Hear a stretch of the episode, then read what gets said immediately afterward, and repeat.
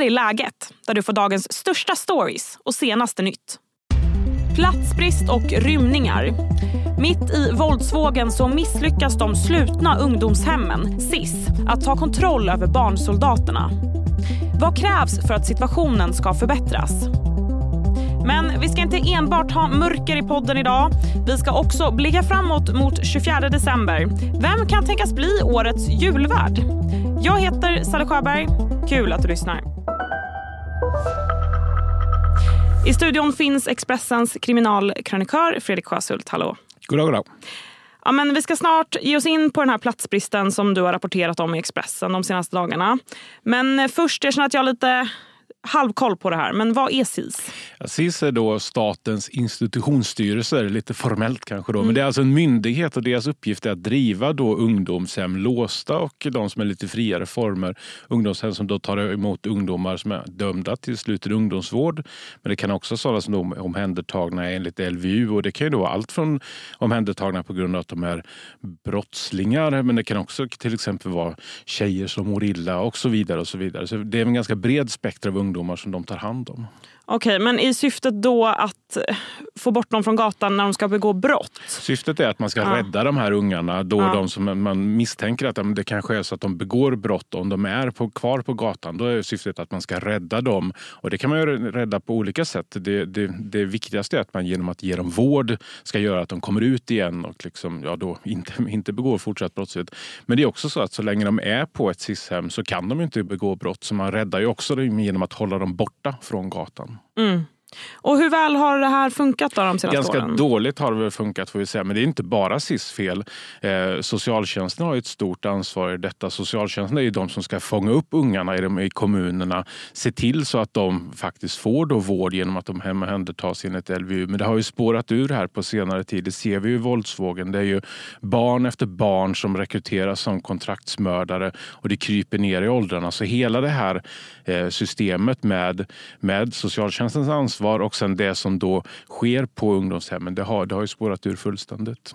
Så det har också lite med att det är fler barn som vill gå in i gängkriminalitet? Det är väldigt många barn som drömmer om att gå in i gängkriminalitet och det går ganska fort också. Om man tittar på många av de här ungarna som nu har kommit in i våldsvågen så är det inte så att de har börjat liksom hamna snett för flera herrans år sedan utan det har kunnat varit att det, ja, men i höstas eh, spårade de ur och sen under våren så har de kommit liksom stått med en kalasjnikov och varit beredda att skjuta in genom en lägenhetsdörr. Så, så det har gått väldigt fort och det är en, det är en utveckling som liksom inte samhället har varit programmerat för. Och nu även så verkar det vara platsbrist på SIS. Berätta. Ja, i helgen var det en situation som verkligen sätter liksom eh, fokus på detta. Det var ett, ett mordkommando som greps upp i Upplands Väsby. Det var några äldre ungdomar kan man väl säga, alltså i, i övre ton, tonåren som greps. Men man hittade också två 14-åriga pojkar på ett hotellrum. De hade en kulsprutepistol på det hotellrummet. De hade också bilder från när de poserade med vapen hittade man i deras mobiltelefoner. Och då tyckte ju polis och de som var involverade under natten att här blinkade rött. De här måste in på ett låst ungdomshem hem. Och den ena killen han var från Malmö. Där fixade Malmö socialjour då en plats på ett låst ungdomshem åt honom, så det löste sig. Men den andra killen han var på rymmen eh, från sitt hem i södra Stockholm. Men där lyckades inte socialjouren placera honom akut. Det var påstås att det skulle vara platsbrist eh, på ungdomshemmen under natten. Så han fick helt enkelt vända hem igen till den miljö som han var på rymmen från och den miljö då som hade gjort att han hamnat i den här mycket allvarliga situationen. Det var uppenbart att det här var två små barn som satt och väntade på att utföra ett morduppdrag med tanke på hur det såg ut i, den här, i det här hotellrummet. Vad vi vet om hur de här unga kontraktsmördarna fungerar. Vad tänker du om det här? då? det är klart att det här belyser verkligen att, att samhället har misslyckats totalt och då är vi alltså i, mitt i brinnande våldsvåg och ändå så lyckas man inte hantera detta. Det här måste ju fungera nu för annars kommer vi uppleva fler och fler barn som, som hamnar i situationer som är riktigt, riktigt illa. Mm. Och Man undrar ju också vad SIS själva säger om hela den här situationen. Jag ska strax fråga dig det, men först blir det en kort nyhetsuppdatering. Israelisk militär har gått in i staden Gaza. Det uppgav militären för The Israel Times redan i morse. Markstrider ska pågå på gatorna och enligt obekräftade rapporter så närmar sig soldaterna Al-Shifa, det stora sjukhuset i miljonstaden. Sen ett par dagar tillbaka så har staden varit omringad av israeliska soldater och Israel säger sig under natten ha dödat flera Hamas-ledare. De uppger också att de genomfört framgångsrika attacker mot de tunnlar som terrorgruppen har grävt under Gaza. Den pågående strejken mot Tesla utvidgas ytterligare. Idag meddelades det att samtliga svenska hamnar kan komma att blockera lastning av Teslabilar. IF Metalls Tesla-strejk inleddes förra veckan där bolagets tiotal serviceanläggningar runt om i landet är uttagna i strejk liksom ett tjugotal verkstäder. Och Det striden handlar om är fackets krav på kollektivavtal som Tesla inte vill skriva under. Blockaden mot lastning av Teslabilar träder i kraft den 17 november om ingen lösning kommit innan dess. Stadsbiblioteket i Göteborg hade egentligen stängt häromdagen på grund av allhelgonahelgen. Men någon hade glömt att låsa en entrédörr så över 400 besökare kom in i lokalerna och lånade över 200 böcker. Verksamhetschefen Anna-Karin Elf blev uppmärksammad på situationen när en kollega ringde henne. Så hon tog sig till biblioteket. Ja, när vi kommer hit så är det besökare här inne. Det satt rätt många och läste tidningar. Vi hade några familjer på barnavdelningen, några satt vid sökdatorn och letade efter böcker. Ja, så sa Anna-Karin Elf till P4 Göteborg, där hon också sa... Och ingenting verkar ha varit förstört, så det, det är liksom helt fantastiskt. Hej, Ulf Kristersson här.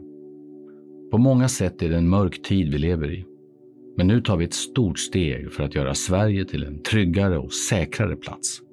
Sverige är nu medlem i Nato. En för alla, alla för en. Har du också valt att bli egen? Då är det viktigt att skaffa en bra företagsförsäkring. Hos oss är alla småföretag stora och inga frågor för små. Swedeas företagsförsäkring är anpassad för mindre företag och täcker även sånt som din hemförsäkring inte täcker. Gå in på swedea.se företag och jämför själv.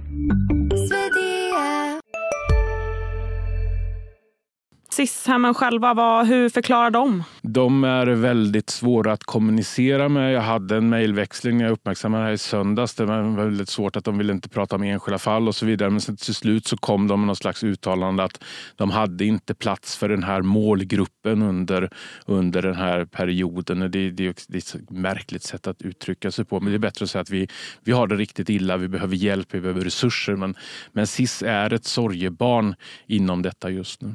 Jag ska kort också nämna att det inte bara är platsbrist utan också rymningar. Det har ju varit känt under lång tid men ändå så är det så gång på gång att, att de här rymningarna inträffar. Det finns ju ett antal brister inom eh, de här låsta ungdomshemmen. Ungarna får ju fortsätta exempelvis ha mobiler och iPads i stor utsträckning. Det går att stoppa detta men det krävs ganska mycket för det. Och eh, framåt då? Eh, vad skulle kunna förbättra den här situationen? Men det är klart, en del ungar då som har problem, exempelvis tjejer som har problem med liksom, destruktivt beteende och så vidare. Det är klart att de behöver en typ av vård och där bör samhället fundera vilken, vilken vård ska vi ha. Men, men det finns också en del unga då som är liksom involverade på väg in i väldigt grov kriminalitet. Det kryper ner i åldrarna. Där måste man fundera kring, kanske inte i första hand hur ska man vårda dem utan hur ska man hålla dem undan gatan under de här åren när de verkligen är på väg åt fel håll. Och jag tror att SIS funkar inte. Jag tror att man måste se mer på en kriminalvård för unga, att man ska använda mer av kriminalvårdens tankar. Inte för att man ska låsa in dem på livstid och slänga bort nyckeln, det är inte det det handlar om, utan det handlar om att man måste få bort dem. Man måste använda de metoder som kriminalvården har, för kriminalvården fungerar ändå bättre än SIS i detta. Eh, så jag tror att det är där man kommer hamna. Kalla det ungdomsfängelser, eh, men ungdomsfängelser med ett helt annat innehåll än ett vuxenfängelse. Vet man något om vad de själva säger när de har suttit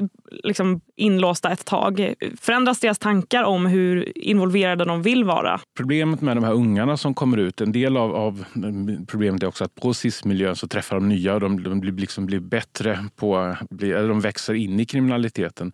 Det måste ju såklart bort men, men det är klart, ju äldre en, en kille blir, ju mognare man blir så kanske man ändå hoppas på att den personen utvecklas åt rätt håll. Men det finns ju inga garantier att det går åt rätt håll. Men en garanti är ju ändå att så länge de är inlåsta, då kan de inte hitta på något jävelskap i vart fall. Tack så mycket Fredrik. Och fortsatt i läget så ska vi komma på andra tankar och snacka julvärd. Vem får tända ljuset den 24 december? Du får höra de troligaste namnen. Men först blir det fler nyheter. Det var ett stort polispådrag på Åva gymnasium i Stockholm idag efter larm om en person med ett pistolliknande föremål. Det här enligt Expressens uppgifter. Flera elever inrymdes på gymnasiet och även på närliggande skolor. Andra fick vänta utanför skolan, däribland eleverna Jens och Tom. Ja, egentligen på skolans håll får vi inte höra någonting egentligen. Så allt det kan bara vara rykten men det är mycket poliser här så, så det känns ju som att det är allvarligt här. Polisen har inlett en rutinmässig förundersökning om vapenbrott. Men det finns i nuläget ingen misstanke om brott. Hej, Synoptik här. Hos oss får du hjälp med att ta hand om din ögonhälsa. Med vår synundersökning kan vi upptäcka både synförändringar och tecken på vanliga ögonsjukdomar. Boka tid på synoptik.se. Det är november och julen är runt hörnet. Ja, men nästan i alla fall. Och en stor grej under jul är ju vem julvärden blir. Vad säger oddsen och vad tror Expressens nöjesreporter? Ebba Larsson, Expressen Nöje, du finns i studion. Hallå. Hej. Ja, men, vad, vad säger du? Är det ett lika ärofyllt uppdrag att vara julvärd idag som typ Arne Weise-tiden?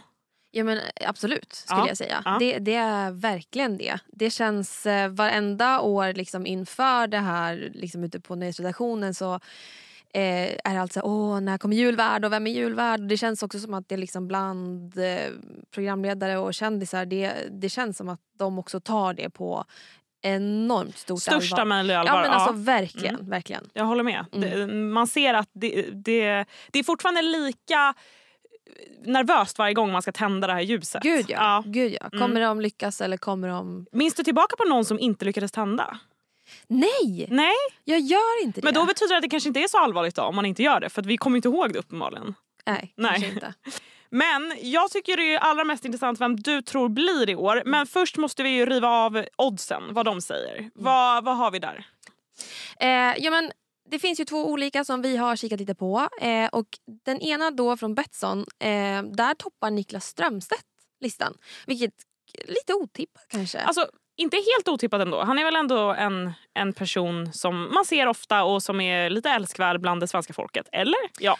ja absolut, Ja. men just kopplingen till SVT Ja, vi får Mm. se helt enkelt. Eh, men sen eh, finns en annan lista som där så är det ATG och där är det Christian Lok som pekas ut som julvärd. Ja. Ehm, så att vi får väl se lite vad som stämmer. Andra som är liksom ganska högt upp där på listan är ju Karina Bergfeldt. Eh, känns som ett ganska självklart namn att vara där. Och eh, komikern Jesper Röndahl också faktiskt. Mm. Jag ser, programledare. Precis. Ja.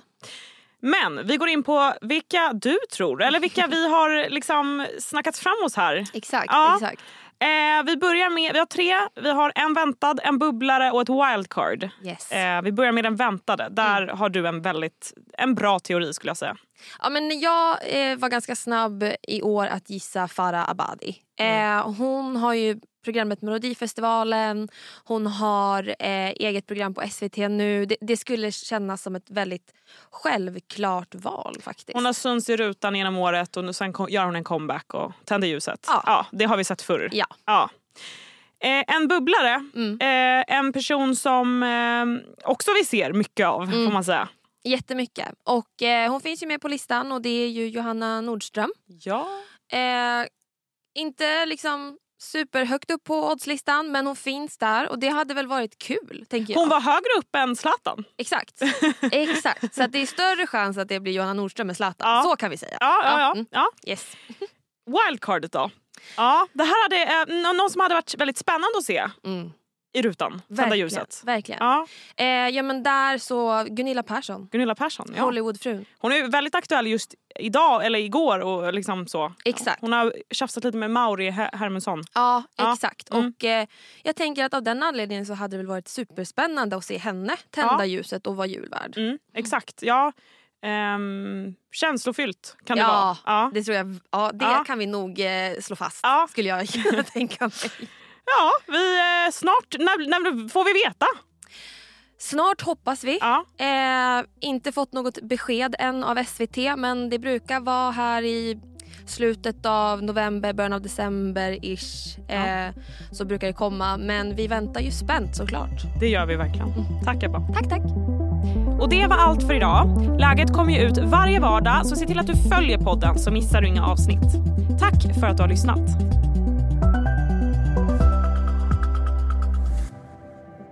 Du har lyssnat på en podcast från Expressen. Ansvarig utgivare Klas Granström